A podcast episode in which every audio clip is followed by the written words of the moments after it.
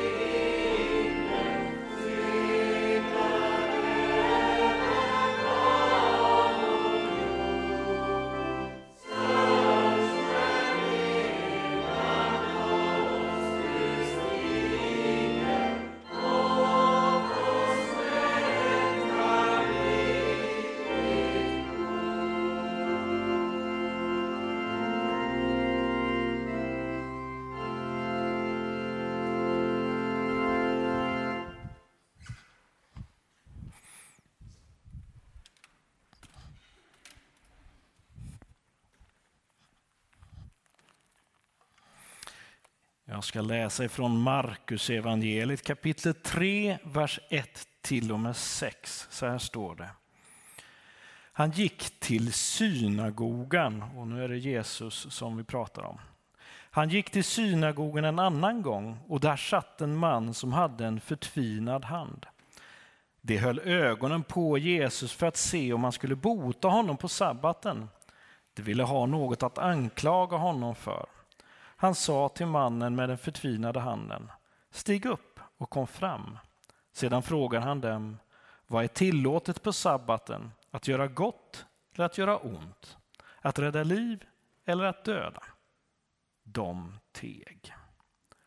Då såg han på den, på den fylld av vrede och sorg över att de var så förstockade. Och till mannen sa han, håll fram handen. Och han höll fram den, och den blev bra igen. Men fariseerna gick bort och började genast överlägga med Herodes anhängare om hur de skulle röja Jesus ur vägen.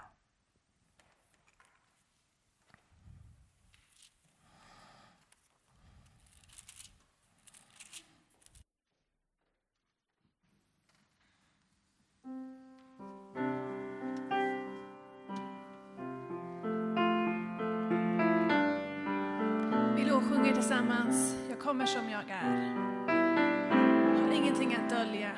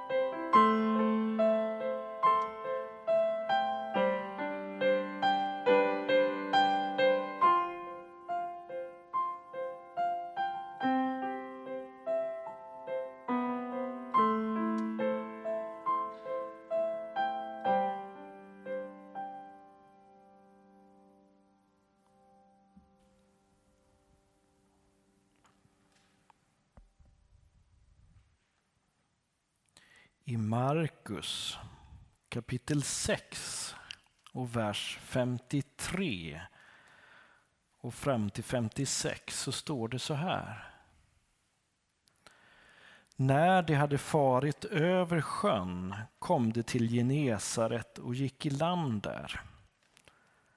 Så snart de steg ur båten kände folket igen honom, alltså Jesus, och skyndade ut till de sjuka i hela trakten och bar dem på deras bäddar dit där de hörde att han var. Och i alla byar och städer och gårdar som han kom till la man de sjuka på de öppna platserna och bad honom att de åtminstone skulle få röra vid tofsen på hans mantel. Och alla som rörde vid honom blev botade. Vi ber. Jesus, tack för de här bibelorden, Herre Jesus. Tack Jesus Kristus att människor då blev berörda av dig. Och de blev friska. Tack Jesus Kristus för det. Amen. Vi ska alldeles strax sjunga en eh, psalm till tillsammans och det är psalmen 375, Jesus det skönaste. Och under tiden som vi sjunger den sången så är det möjligt att ge en gåva till församlingens arbete. Swishnumret kommer upp på skärmen här och du som har lösa pengar så har möjlighet att lämna de pengarna eh, på vägen ut efter gudstjänsten. Så nu sjunger vi psalm 375 tillsammans.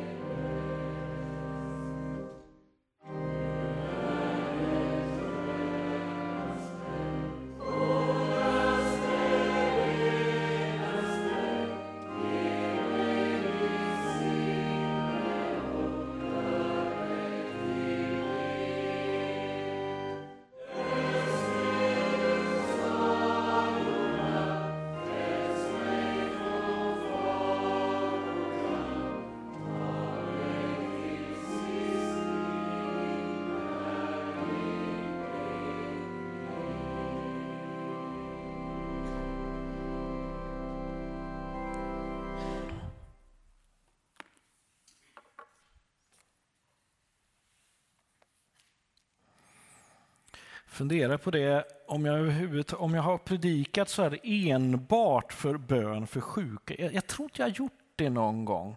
Men jag har, bett, jag har predikat om den heliga ande. har jag predikat om och då har man ju snuddat vid detta ett antal gånger.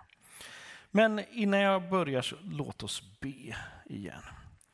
Tack Jesus Kristus, till att börja med att vi får dela med oss av vårt överflöd, Herre Jesus i de gåvor som vi har kunnat ge till församlingens arbete. Jag ber att vi ska kunna använda dem på det bästa sätt för att du ska bli känd, trodd och efterföljd här i Taberg och vidare ut i världen, Herre Jesus.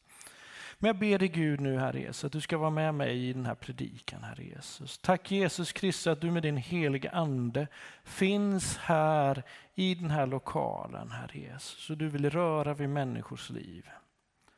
Tack för det. I Jesu namn. Amen.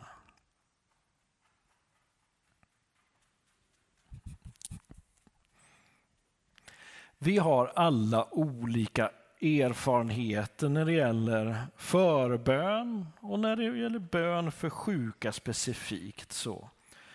En del av oss har goda erfarenheter och en del har mindre bra erfarenheter.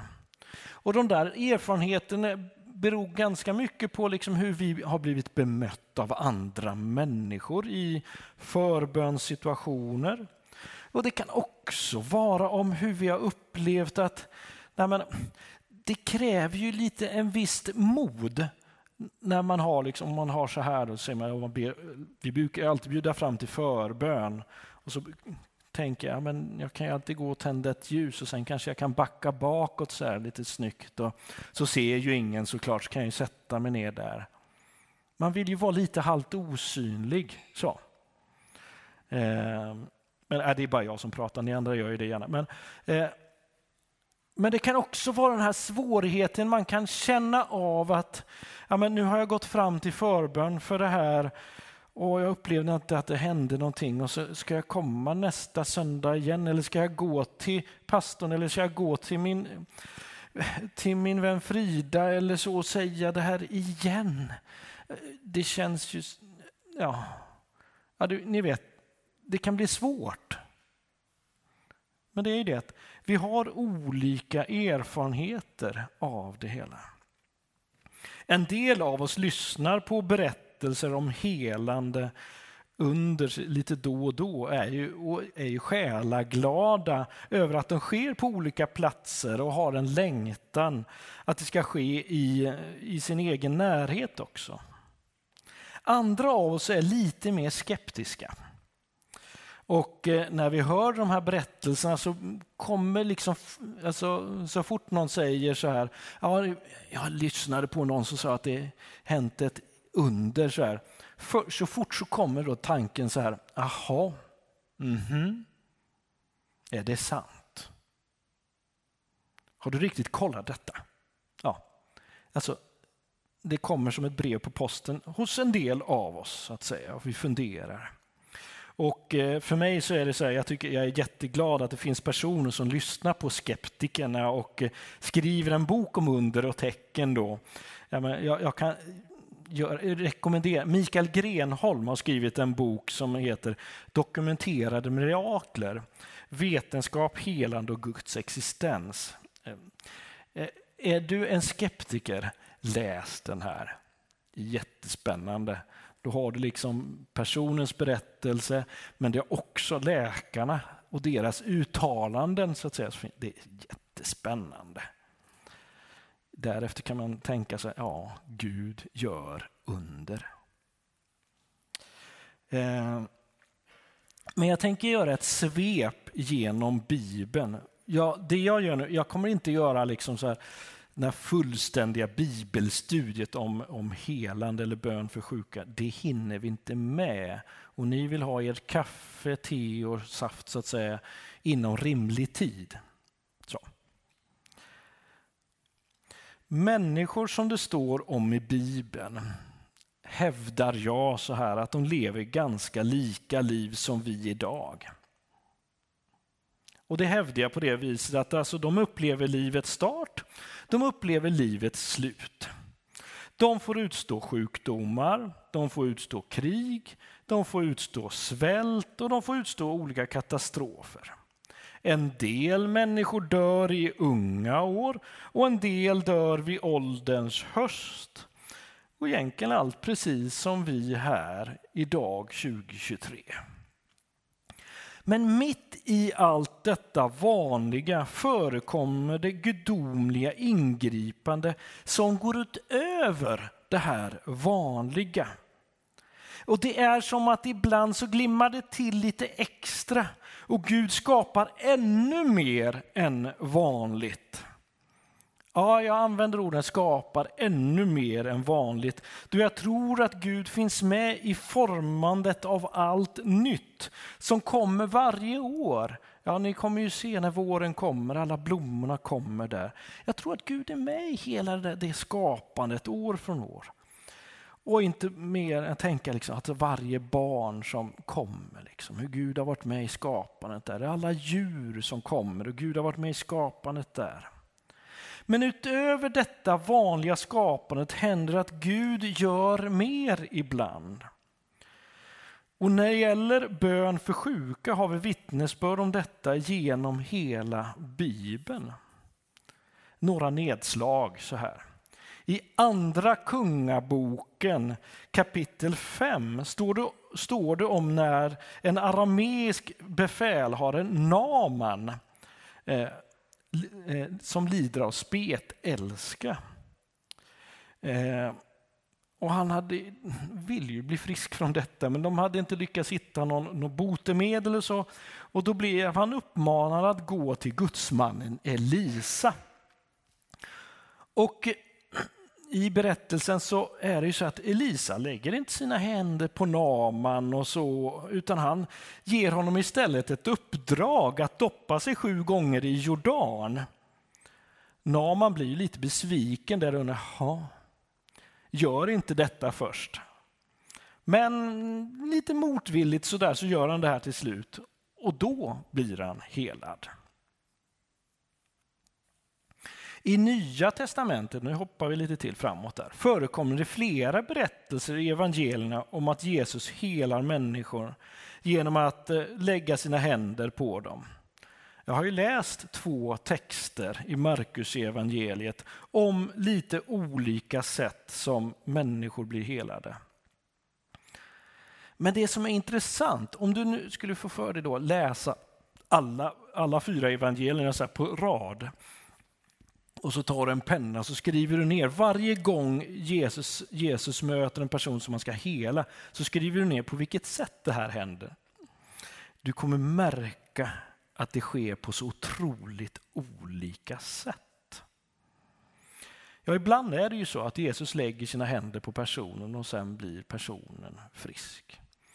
Men i andra lägen så är det ju så här, ja, håll fram din hand, ja helt plötsligt så blev den bra. Eller så gör Jesus en liten deg av spott liksom och lite, lite sand så här. Och så pillar han på, ja, jätteäckligt eller? Eller vad skulle du tycka? Ja, nej. Men så blir personen helad av det. Eh, och man undrar, vad är det här? Och ibland så sker undret eh, under tiden som personerna går. Alltså du har de där tio spetälska som kommer till Jesus och Jesus säger, ja, gå och visa upp er för prästen och de vänder och så går de. Och på vägen så blir de ju friska. Och ibland sker undret på distans.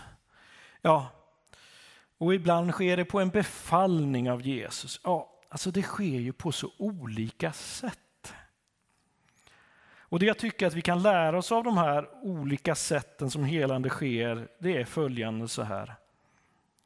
Jag, jag tänker så här, det här är min tanke. Gud gör på olika sätt så att vi inte kan göra det till en mall. Så att det inte blir så här, okej, okay, steg ett gör så här, steg två gör så här, steg tre gör så här. Okej, okay, ja, men då vet vi. Då blir det magi av det hela helt plötsligt. Och det andra jag tror att det är när, när det gäller både Elisa och Jesus så hade de båda en sådan kontakt med Gud att Gud kunde tydligt säga till dem. De hade det här liksom, Gud pratade med dem och sen handlade de så att säga. Att det var tydligt hur de skulle göra i de här speciella tillfällena. Och därför så gjordes det väldigt olika, för det var så Gud tyckte att det skulle vara. Men ibland så ser vi att man kan få upplevelse att, det, att på ett sätt att de inte själva kan styra över helandet. Ungefär som det var i det här senaste textstället jag läste i Markus 6.53. Där de liksom bara tog fram de människorna, de skulle lägga sig där och bara de liksom fick röra vid honom eller röra vid manteln så blev det liksom. Det är precis som att det fanns ett helande liksom aria liksom runt Jesus så där så att det, det hände. Och man kan ju undra så här, varför var det så starkt förknippat med helande och under med Jesus? Och det handlar lite grann om förkunnelsen om Guds rike och vad det är. I Markus kapitel 1, vers 14 och 15 så står det så här. När Johannes hade blivit fängslad kom Jesus till Galileen och förkunnade Guds budskap och sa Tiden är inne. Guds rike är nära.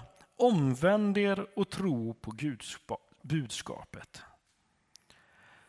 Och sen när vi läser i ett annat läge i Lukas, eh, när Jesus är i Nasarets synagoga, då får han ju liksom eh, profeten Jesajas bok och eh, där han ska läsa. och eh, gör världens kortaste predikan efter det. står så här i Lukas 4, 18-22. Herrens ande är över mig, ty han har smort mig till att frambära ett glädjebud till de fattiga.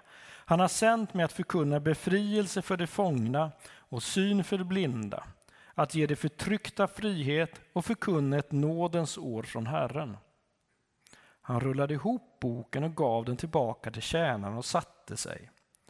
Alla i synagogan hade, hade sina blickar riktade mot honom. Då började han tala till dem och sa Idag har detta skriftställe gått i uppfyllelse inför er som hör mig.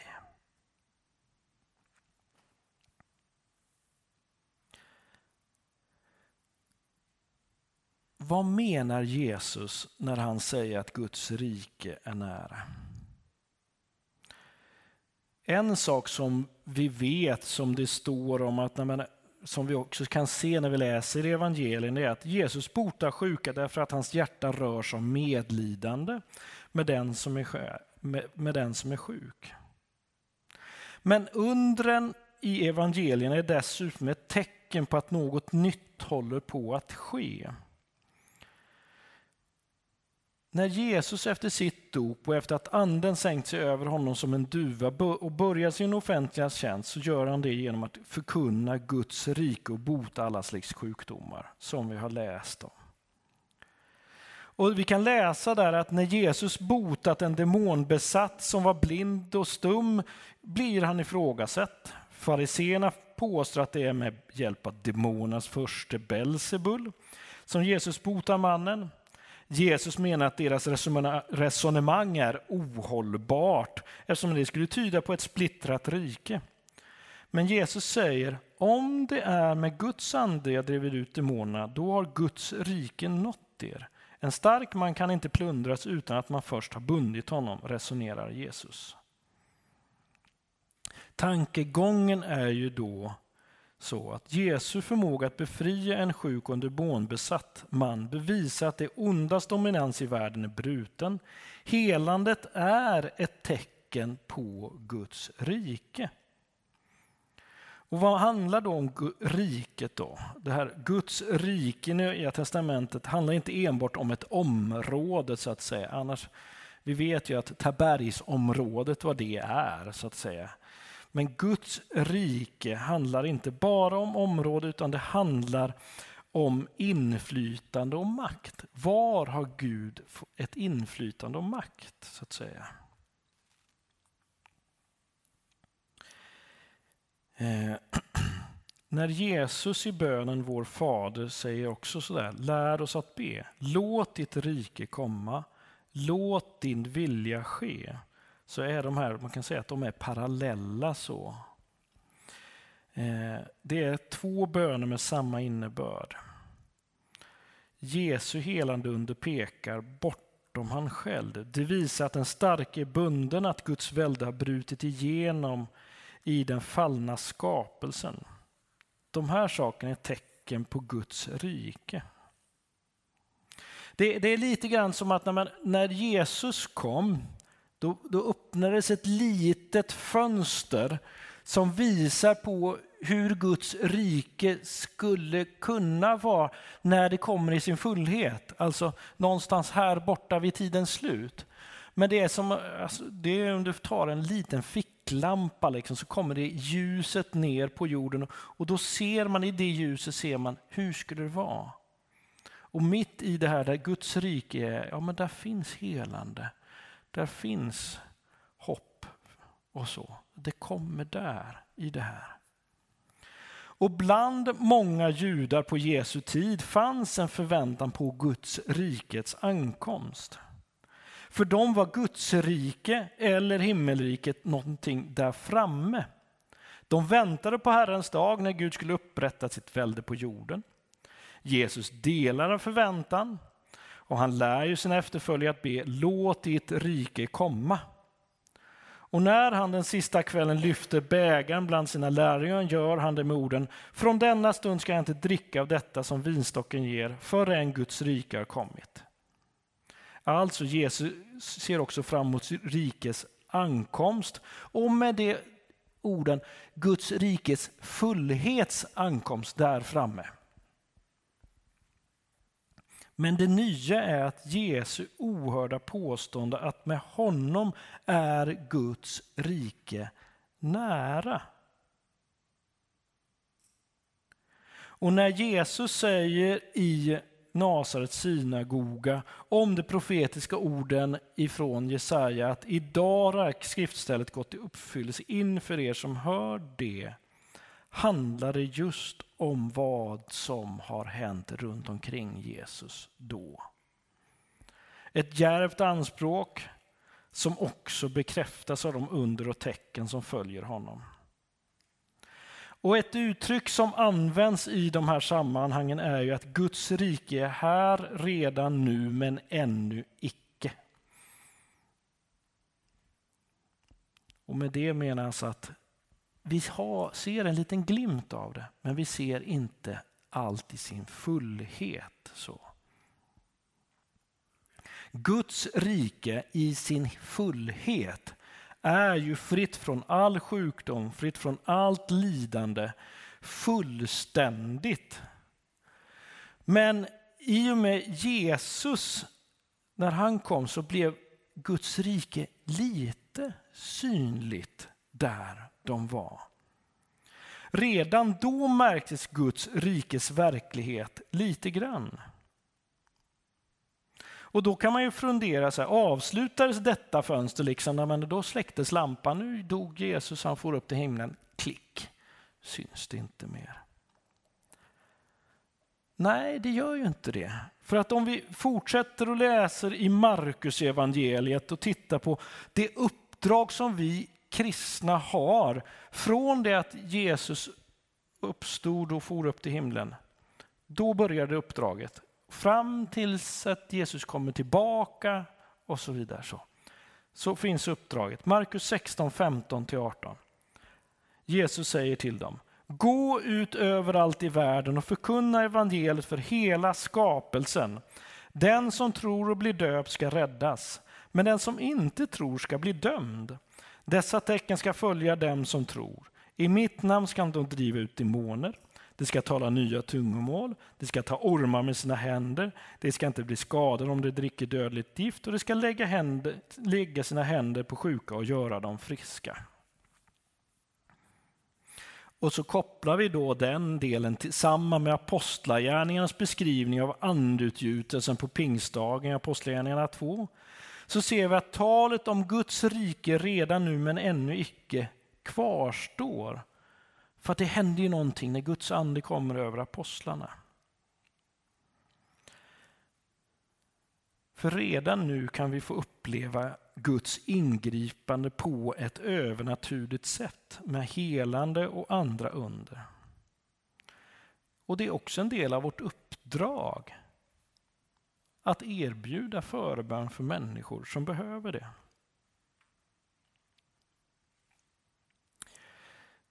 Om vi nu tar då språnget ifrån Bibelns tid och liksom hoppar liksom 2000 år framåt. Den som säger att jag tror på Jesus Kristus och jag vill vara hans lärjunge har uppdraget precis på samma sätt som lärjungarna hade. Att driva ut demoner, tala nya tungomål och lägga händer på dem som är sjuka. Och då kanske du säger nu här, Oops, ska jag göra det också? Lätt för dig att säga där framme. Mm. Praktisera det då. Jag säger så här, jag ber gärna för sjuka. Eh, jag ber gärna för alla människor som vill ha förbön.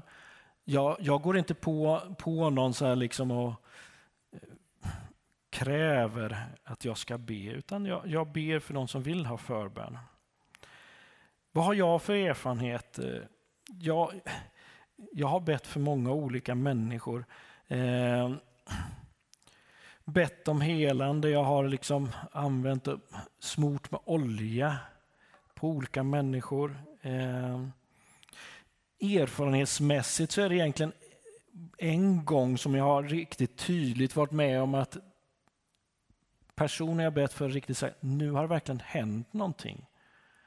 Eh, En person som, vi var några stycken som bad för personer och han hade riktigt ont i sitt knä. Vi bad för detta och sen när han testade att gå efteråt så då var det liksom, men han hade inte ont i det där knät. Och då konstaterar vi, ja, ja men Gud har nog gjort någonting nu. Så. I vår liksom små tro så. Eh. Sen har jag ju bett för människor och jag har inte sett någonting hända. Men jag slutar inte att erbjuda att be för människor. För att det vill jag göra vidare. Jag har inte koll på Gud. Men jag kan utmana Gud genom att be för människor. Och man kan ju ställa sig frågan, hur ska vi gå tillväga på, på ett gott sätt? För vi har ju uppdraget att be för sjuka. Och eh, det är ju där, om vi läser från Jakobs brev kapitel 5, vers 13-16 och om vi liksom, liksom ska exakt ta det här eh, som det står så gör vi inte riktigt det idag. Det står så här, får någon av er lida ska han be. Är någon glad ska han sjunga glädjesalmer. Är någon av er sjuk skall han kalla till sig de äldste i församlingen och de ska smörja honom med olja i Herrens namn och be böner av hon, över honom. Deras bön i tro ska rädda den sjuke och Herren ska göra honom frisk. Och har han syndat skall han få förlåtelse. Bekänn därför era synder för varandra och be för varandra att ni ska bli botade. Den rättfärdiges bön har kraft och gör därför stor verkan.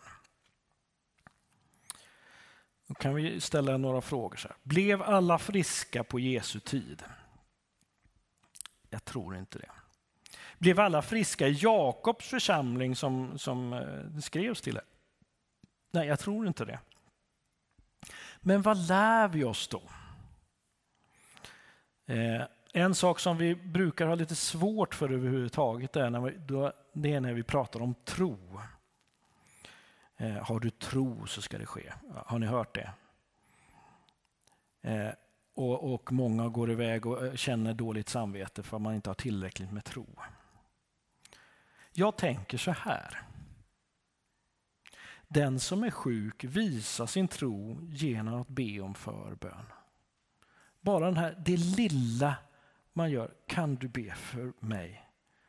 Då, då lämnar man ju över sin önskan till Gud. Det är att visa en liten tro, tycker jag räcker. Den som ber tycker jag visar sin tro och förhoppning till Gud genom att våga be. Att ställa sig till förfogande. Nej, men jag gör det här. Jag har inte kraft i mig, men du Gud, du har gjort det här förr, så nu vänder vi oss tillsammans till dig. Och så ber vi. Det finns de som eh, talar om saker som hinder för bönesvar. Eh, och jag, jag har läst en del fram och tillbaka om det här, så att säga. Eh, jag, jag tycker det är spännande, men problemet jag får, att till slut så blir det att det blir magiskt över det hela. Vad jag menar är att man kan hitta de där, det finns hinder för att det sker. Ja, visst finns det det, men det är så svårt att veta i vilket sammanhang är det rätt att säga att det handlar om synd, det handlar om det här. Eller att man måste verkligen ha på fötterna innan man säger det. Och det är lätt att det blir mallar. För att gör så här så blir det så här.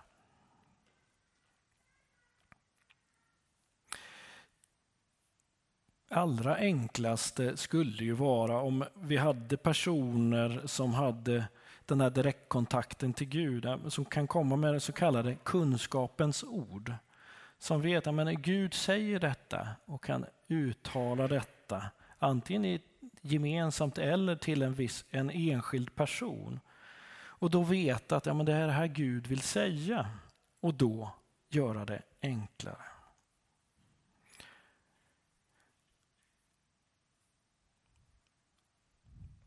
Då kanske vi får det här när man är gå och doppa dig i Vättern sju gånger så kommer du bli helad. Liksom.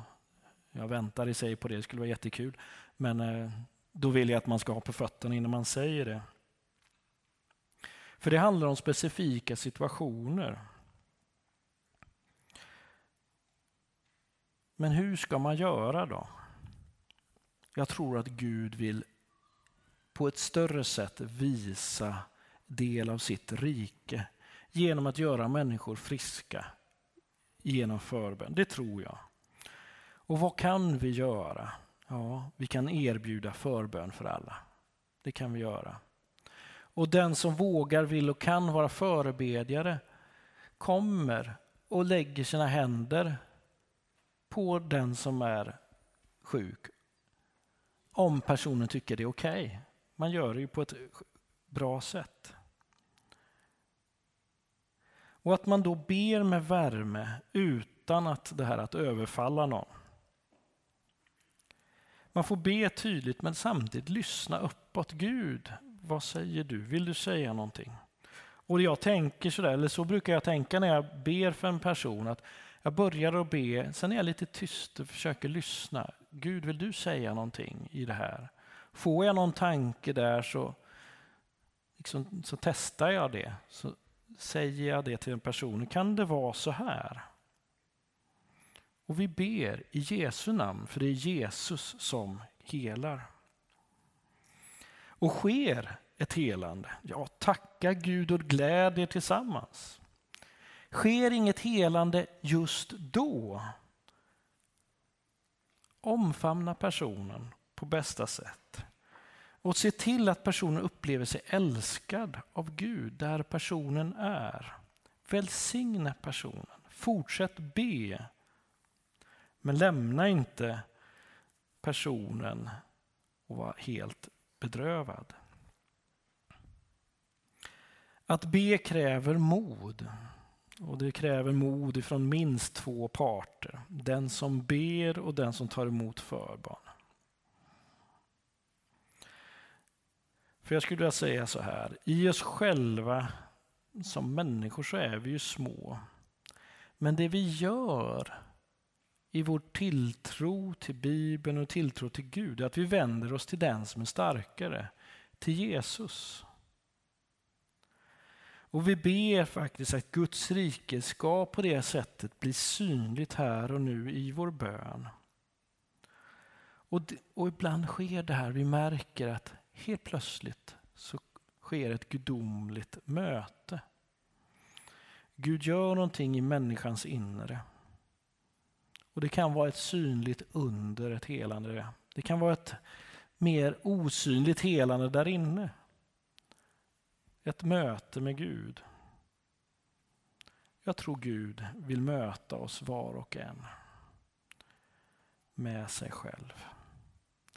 Så att Gud kan bli sedd och trodd och följd här i Taberg och vidare ut i världen på ett tydligare sätt. Jag tror det. Och du kan vara använd i detta. Våga när någon säger att ja, det är svårt det här. Våga säga du, jag ber för dig. Och våga göra det just då. Vi ber. Tack Jesus Kristus att du hör bön. Tack Jesus att vi har möjligheten att be för den som är sjuk. Att lämna den till dig, Herre Jesus. Herre Jesus Kristus, du ser våra tankar, våra känslor och det vi har just nu. Nu ber jag dig att du med din heliga Ande ska röra vid oss, Herre Jesus. Var oss nära. Kom med ditt helande över oss var och en och till de människorna vi tänker på. Det ber jag om i Jesu namn. Amen.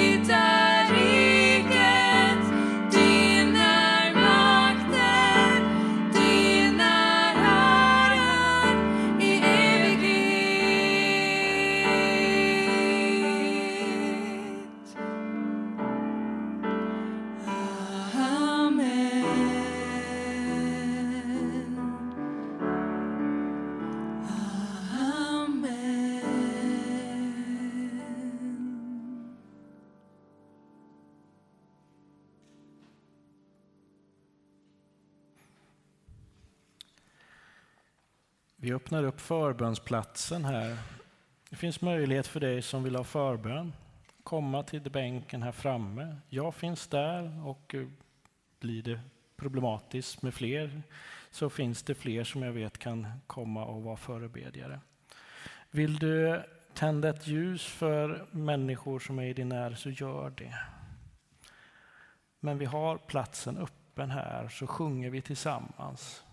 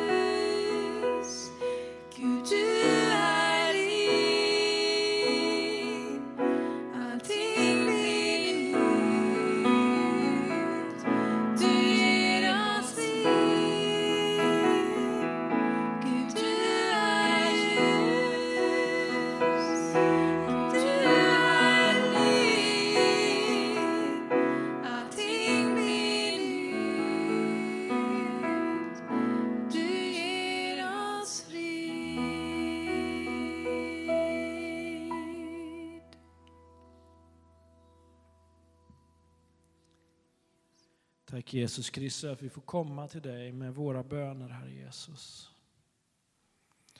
Vi får lyfta upp människor som är nära oss. Människor som är nära oss i våra hjärtan får vi vända och lyfta till dig, Herre Jesus. Vår längtan är att du ska hela olika människor från sjukdom, från ångest, från andra svårigheter, Herre Jesus. Vi kommer till dig och ropar till dig, Gud. Du ser ljusen som brinner, Herre Jesus, i ett rop till dig, Herre Jesus. Du ser alla böner som är bädda i bänken, Herre Jesus, i ett rop till dig. Kom och rör människor som du har gjort förr. Vi ber om det.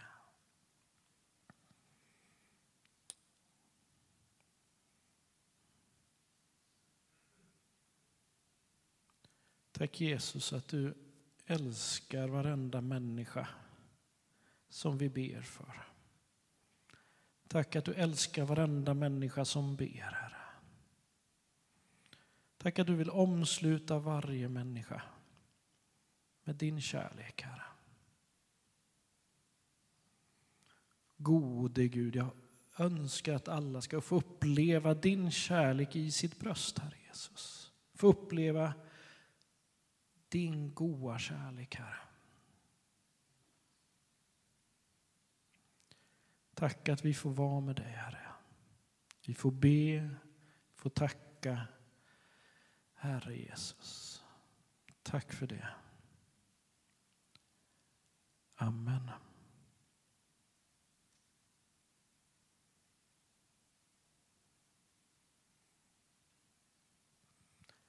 Vi avslutar på det här sättet gudstjänsten. Vill vi prata så går vi ut och pratar där ute. Den som vill hålla liksom en god kvar bön här inne, Nej, men var kvar här inne. Men vi andra går ut där och pratar där och går och tar vårt fika. Men ta emot Herrens välsignelse. Herren välsigne dig och bevara dig. Herren låter sitt ansikte lysa över dig och vara dig nådig.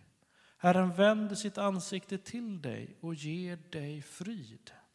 I Faderns och i Sonens och den helige Andes namn. Amen. Tack för idag.